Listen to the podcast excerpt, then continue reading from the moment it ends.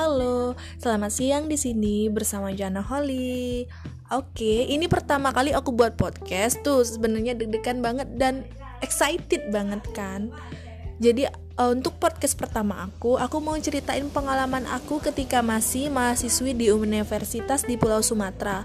Waktu itu sekitaran tahun 2017-2018, sekitar semester 4, 5 dan 6. Sekarang alhamdulillah aku udah lulus. Yeay. Jadi, aku mau ceritain temen-temen ke teman-teman semua pengalaman aku yang menurut aku patut untuk dibicarakan, patut untuk diperbincangkan dan patut untuk dianalisis sebagai hmm, pelajaran kita, pelajaran buat aku dan pelajaran buat teman-teman semua biar kita enggak terjebur ke fase ini. Dan jujur aku dulu merasa kalau aku tuh nggak salah tapi sekarang aku merasa ya ampun kenapa sih kok aku bisa berpikiran seperti itu? Kenapa aku bisa bertindak seperti itu? Dan kenapa juga aku bisa masuk ke fase itu gitu kan. Kenapa? Oke mungkin teman-teman bingung sih kok aku merasa salah gitu? Kok aku mau ceritain ini ke teman-teman? Padahal ini aib. Yang nggak bisa dibilang aib yang aib aib yang harus ditutupi misalnya gitu kan. Dosa yang harus ditutupi gitu. Tapi ini sebagai pembelajaran untuk aku juga dan untuk teman-teman. Jadi pesen nih pesen ya. Pertama pertama bikin pesen dulu. Buat teman-teman mungkin ada yang pernah mengalami fase ini. Entah sekarang masih menjalani atau udah lewat dan atau yang belum Semoga kita bisa keluar dari fase ini dan semoga kita tidak mudah percaya percaya akan teks-teks atau artikel-artikel atau postingan-postingan Instagram, TikTok yang dibagikan oleh akun-akun alter, akun-akun yang tidak bisa dijelaskan keasliannya akun-akun yang hanya mencomot uh, hadis-hadis atau uh, ayat-ayat Al-Qur'an dan dijadikan status, dijadikan postingan, dijadikan apa itu di mana pun baik di sosial media atau secara lisan kita harus hati-hati gitu. Kalau secara lisan mungkin teman-teman kita sendiri ya bilang ke kita. Jadi uh, hal ini nih menurut saya sih menurutku sih krusial banget gitu kan. Yang mudah mempengaruhi remaja-remaja cielah remaja. Mudah mempengaruhi remaja-remaja sekarang. Bahkan sampai sekarang di tahun 2020 di tahun corona udah tanggal 31 Desember 2020 dan masih banyak. Bagi saya, menurut analis saya masih banyak mahasiswi-mahasiswa yang terjebak dalam fase itu akibat pengaruh dari lingkungan, pengaruh dari kakak tingkat dan oleh organisasi yang berkiblat pada kaderisasi. Aku tidak akan menjelaskan uh, bagaimana mereka memengaruhinya, tapi aku akan menjelaskan kenapa aku terpengaruh. Apakah itu sama? Kenapa aku melakukan itu? Aku akan menjelaskan apa-apa saja yang aku lakukan, dan menurutku itu sangat mencederai lingkungan, mencederai orang terdekat, teman, orang lain baik diri sendiri. Oke, ini saya namakan demam hijrah untuk episode 1. Selanjutnya saya akan jelaskan di episode 2. Semoga suka.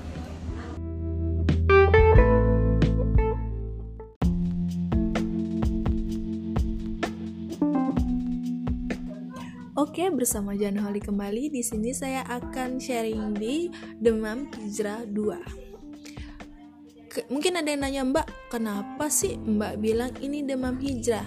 Oke. Gini ya teman-teman ya. Jadi saya bilang demam hijrah karena hal tersebut bersangkutan dengan perilaku saya dari yang mungkin menurut mereka mereka yang memengaruhi saya dulu itu kurang baik menjadi lebih baik itu adalah labeling kalau kita bilang. Contoh, dulu sebelum hijrah saya pakai jilbab yang biasa-biasa aja, yang ngetren-ngetren model segi empat, pasmina, segala macam warna-warni. Tapi sudah hijrah saya mulai beli jilbab yang panjang, jilbab syar'ih ya, yang ada petnya yang panjang sampai tangan. Saya pakai itu kayak perubahan yang menurut saya itu dulu itu baik banget dan sebuah perubahan yang positif. Awalnya awal-awal saya mengenal hal tersebut. Jadi saya pakai jilbab panjang. Terus apa yang teman-teman bilang ke saya Halo, Assalamualaikum Ukti Oke, leveling pertama Ukti Jadi bagi kita mahasiswi yang pakai jilbab lebar, jilbab panjang, rok panjang Ya rok panjang lah akan berjilbab ya.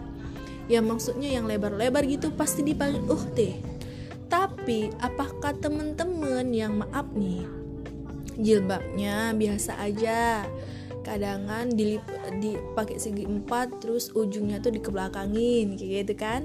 Uh, pakai sepan pants celana celana panjang tapi yang maaf nih agak ngetat gitu. Apakah dipanggil ukti enggak. Mungkin ada yang manggil ukti teman dekatnya atau bagaimana tapi enggak. Banyak kan enggak. Kenapa? Labeling lagi. Jadi itu kayak gimana ya untuk temen-temen yang jilbabnya panjang mahasiswa jilbabnya panjang ukti itu labelnya. Tapi bagi kita ya cek biasa gitu yang nggak pakai itu sama sekali. Dan itu awalnya aku memang kurang suka ya kayak gitu. Maksud aku maksud saya tuh kalau mau manggil ya manggil Jana aja. Nggak usah ukti ukti ukti gitu. Biasa aja gitu kan. Karena ya memang ukti itu ya sama saudara perempuan. Kalau misalnya kita mau panggil saya saudara perempuan ya berarti semuanya juga dipanggil ukti. Mau dia nggak berjilbab mau dia berjilbab mau dia jilbab panjang mau dia jilbab pendek.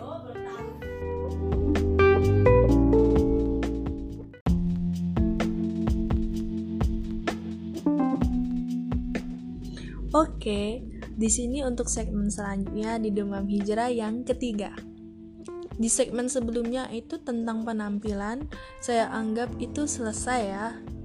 Karena kalau misalnya mau dilanjutin ya gitu-gitu aja nggak akan ada nggak akan ada penyelesaian. Karena hal itu sampai sekarang pun masih. Saya juga udah udah beberapa kali buat status uh, sebuah protes saya tentang hal-hal labeling. Uhti ahi itu untuk semua ya. Ada yang ngerasa tersinggung ada yang hahaha hihi hahaha hihi tapi tetap aja gitu. Ada yang bener juga ya kata kamu Jan kayak gitu. Tapi di sini udahlah ya. Selanjutnya saya mau ceritain pengalaman saya yang menurut saya itu fatal dan menyesal banget saya bilang gitu ke teman-teman saya sampai buat teman saya kecewa, terluka, ada yang juga ngerasa takut bilang ke saya karena saya ada di fase demam hijau waktu itu.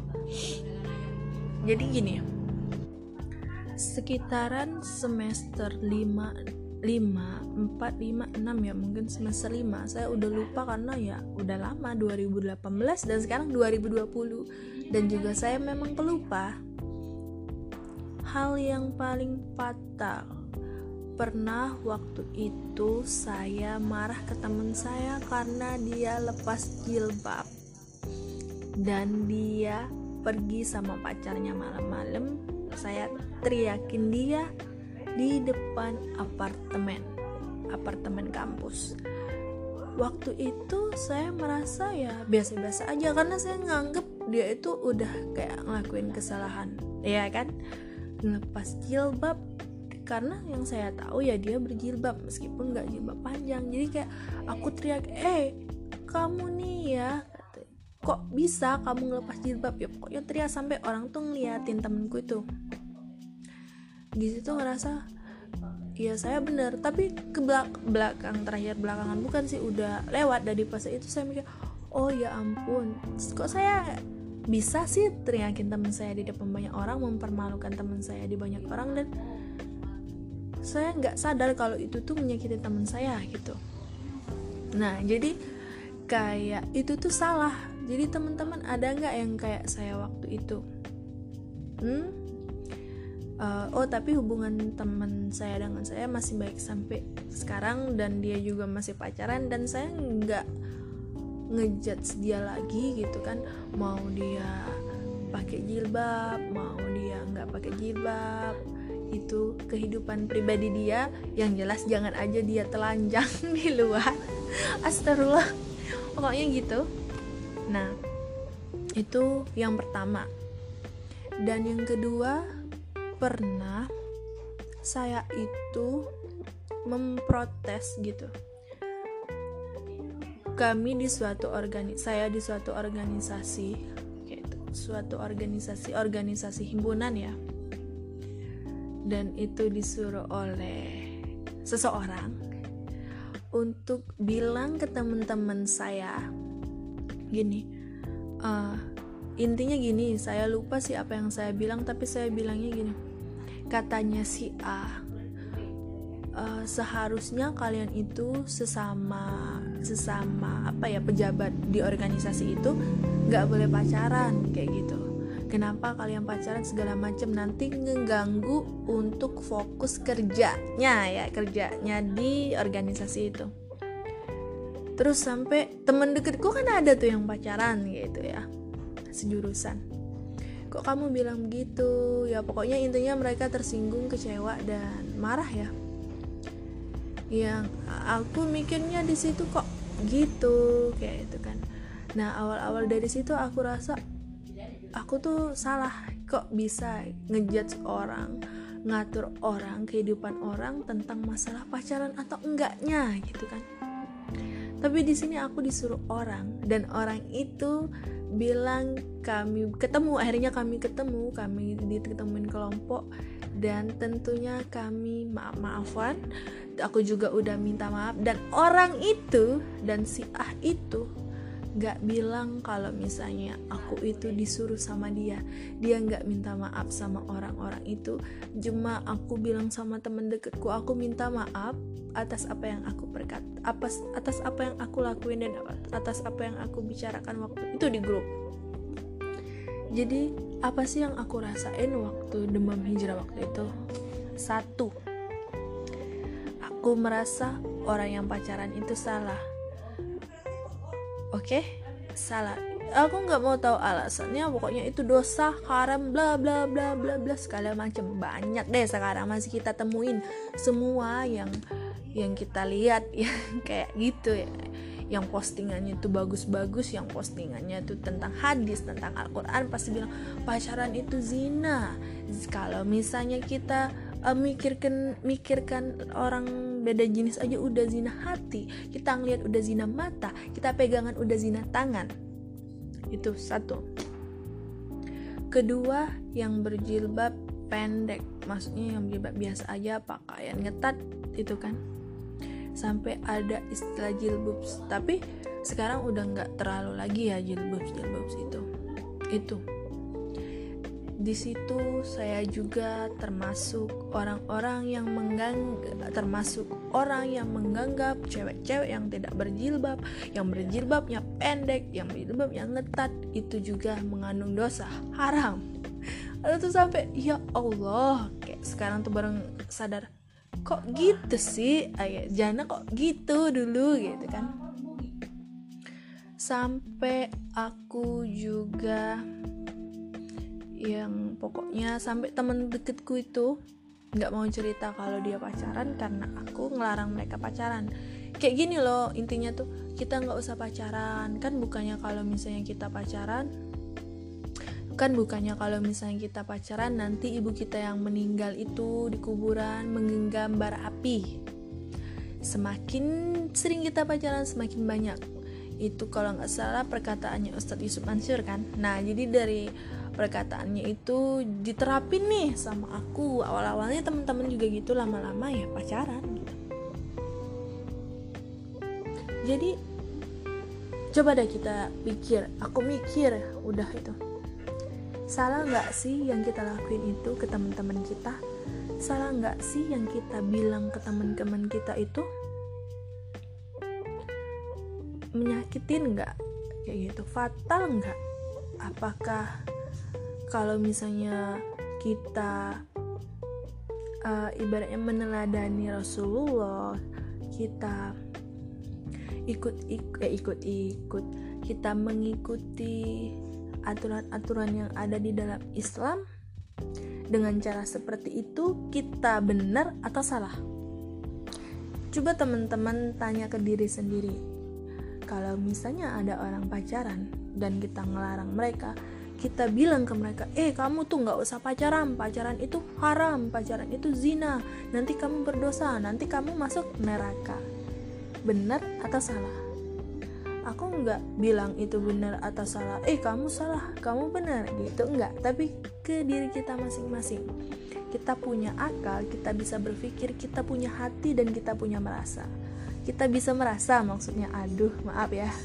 Jadi coba teman-teman pikirin deh ada yang sedang di fase ini dalam uh, sekarang. Ada yang masih ngejat temen-temennya.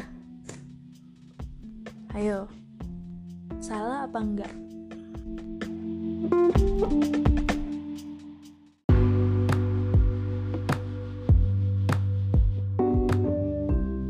Oke, ini segmen terakhir di Demam Hijrah, segmen 4 jadi saya mau bilang kalau misalnya saya nyesel banget dulu kayak gitu. Dan buat temen-temen yang masih kayak gitu coba deh tanya lagi ke hati kalian masing-masing. Eh apa temen aku nggak sakit hati ya? Aku bilang dia kayak gitu. Apa mbak A, mbak C, kak A, kak C nggak sakit hati ya?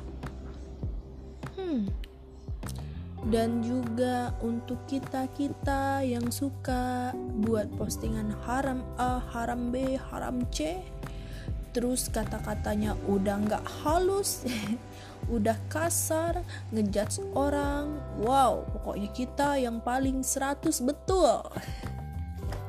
Dikurang-kurangin teman-teman ya. Jangan gitu. Benar kalau dulu bilang lidah itu lebih tajam daripada pedang, tapi sekarang ketika netizen lebih tajam daripada lidah kita sendiri. Kalau lidah itu nggak bisa kita kontrol, susah. Hati kita juga ngikut-ngikutin lidah. Nggak percaya? Ya udah. Cuma buat temen-temen apalagi temen-temen yang kayak gini nih bilang yang ngejudge langsung nih lidahnya langsung lisan. Wow berani banget ya. Saya kan suka suju. Suka suju tapi nggak terlalu suka sama BTS wah marah nih Army. Gini bilang temen temen yang dia ternyata ikut organisasi HTI apaan sih itu? Korea plastik-plastik gitu kok kalian suka? Ya ampun, belum tahu dia. Kalau misalnya plastik itu ganteng bingit. belum tahu dia. Kalau itu plastik dapat penghargaan internasional. Belum tahu juga dia. Kalau di Indonesia orang Indonesia, netizen Indonesia adalah penonton terbanyak di YouTube YouTube channel kayak NCT, BTS, Suju dan lain-lainnya. Orang Indonesia loh. Mbak, orang mana ya? Dan juga untuk yang mendukung sebuah konsep jombloisasi eh singleisasi emang Vicky sebuah konsep yang kayak jomblo sampai halal kan? No pacaran Indonesia tanpa pacaran tapi ghosting ghosting sama cowok tuh yang di Indonesia tanpa pacaran ya. Wow ngajak war gue. Nyebut pula. Maaf ya tapi di situ ada yang bilang netizen yang bilang saya juga menyampaikan. Nggak apa-apa kalian nggak mau pacaran sampai kalian halal sampai bertemu jodoh yang kalian bilang itu dari Allah. So atuh alhamdulillah kalian bisa menjalankan ta'aruf bisa menjalankan sunnah-sunnah rasul ya. Anjuran Al-Quran ya. Tapi sebaiknya tidak menjudge teman-teman kita yang pacaran pacaran itu ngerugiin siapa sih? Kita ngerasa dirugiin nggak? Apakah kita dirugiin? Kalau kita dirugiin bilang sama mereka yang pacaran. Aku nih merasa dirugiin sama kalian yang pacaran kenapa? Tapi caranya lewat japri. Baik-baik jangan marah-marah. Ini ya aku kalau misalnya aku saya sekarang ya. Misalnya saya pacaran. Kalau sekarang jomblo. Jomblo. Saya pacaran sekarang. Terus ada nih orang ngacir nih teman-teman tiba-tiba. Eh Jan kamu ini bla bla bla bla. Kamu kan tahu kalau pacaran itu hal segala macam. Masuk nggak dinasihatin enggak mental adanya. Kesel adanya. Marah tersinggung adanya. Kayak gitu karena apa? Saya merasa orang paling berdosa di dunia ini karena omongan dia. Makanya ya cowok temen-temen yang nggak mau pacaran yang mau jomblonya sampai halal silakan alhamdulillah saya ngedukung. Tapi ya nggak usah ngusik mereka yang pacarin biarin aja kasih taunya baik-baik kalau sampai hmm, menurut kalian itu udah toxic relationship silakan. Cuman jangan ya jangan marah-marah. Bahaya kesian. Kalian nanti nggak ada temen. Ya udah itu aja. Oke yang merasa tersinggung atau apa bilang baik-baik ya kalau tersinggung. Diam aja. Biasanya sih kalau tersinggung diam terus bikin status upload lah di twitter. Mbak ini Jana Holly ini ini. Bikin tiktok bikin instagram terkenal dong gue dihujat netizen dan gue gila. Ya pokoknya gitu deh. Pikirin lagi pikirin lagi ya yang demam hijrah semoga nggak akan demam lagi. Hijrahnya hijrah betul 100 betul amin. Oke, udah segmen terakhir untuk demam hijrah. Kalau ada yang mau ditanya silakan. Kalian bisa DM IG saya di janaholi underscore 26